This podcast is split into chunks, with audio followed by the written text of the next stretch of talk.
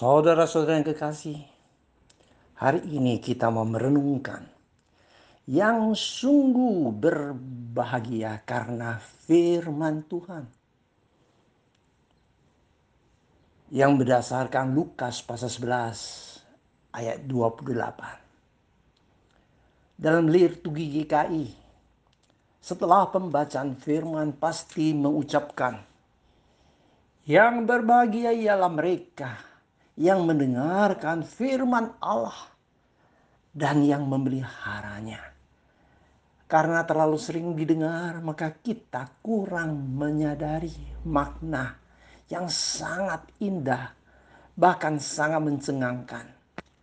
Lukas pasal 11 ayat 28 ini adalah jawaban Tuhan kepada sebuah statement dari seorang ibu yang menyatakan kekagumannya terhadap Yesus dengan refleksikan dirinya sebagai seorang ibu, seorang perempuan pasti merasakan dirinya sangat berbahagia bila putranya adalah seorang yang sangat hebat.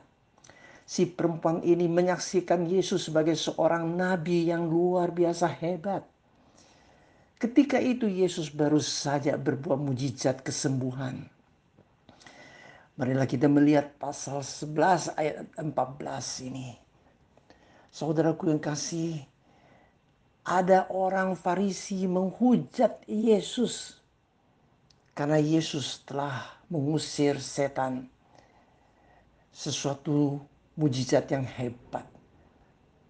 Tapi Yesus dengan hikmat sorgawi memberitakan kebenaran.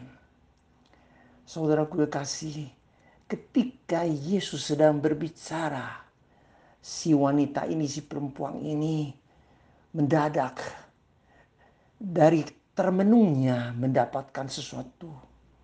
Saudaraku, saudara sekalian, si perempuan ini menganggap dirinya mendapatkan inspirasi sehingga dia mengungkapkan satu aspirasi yang indah sekali saudaraku kasih. Dia berteriak dia dengan suara nyaring mengatakan, yang paling berbahagia adalah ibumu yang telah menyusui kamu, yang membesarkan kamu. Oh saudaraku yang kasih, pengakuan ini sangat tepat karena ibunya Yesus pernah juga membuat nyanyian pujian Maria. Sesungguhnya semua keturunan akan menyebut aku berbahagia. Lukas pasal 1 ayat 48. Tuhan Yesus tidak menyangkal bahwa ibu yang melahirkan dan menyusuinya berbahagia. Tetapi Tuhan Yesus menunjukkan suatu bahagia yang lebih indah, lebih luhur dan inklusif, yaitu terbuka untuk semua orang. Versi Alkitab bahasa Indonesia sehari-hari lebih berbahagia lagi orang mendengar perkataan Tuhan dan menjalankannya. Firman Tuhan ada tiga bentuk. Pertama firman Tuhan yang tertulis, yaitu Alkitab. Bacalah setiap hari dengan setia dan rendah hati. Bersedia dipimpin oleh roh kudus. Kedua, firman Tuhan yang sejati yaitu diri Tuhan Yesus Kristus yang adalah firman Tuhan yang menjadi manusia. Oh, saudaraku yang kasih, Tuhan Yesus adalah firman Allah. Setiap kali kita membaca Alkitab harus terjadi perjumpaan dengan Allah di dalam Yesus Kristus. Ketiga, firman di mimbar Pengkhotbah tidak boleh seenaknya berbicara. Dan memaksa orang mengakui beritanya adalah dari adalah firman Allah. Berita mimbar.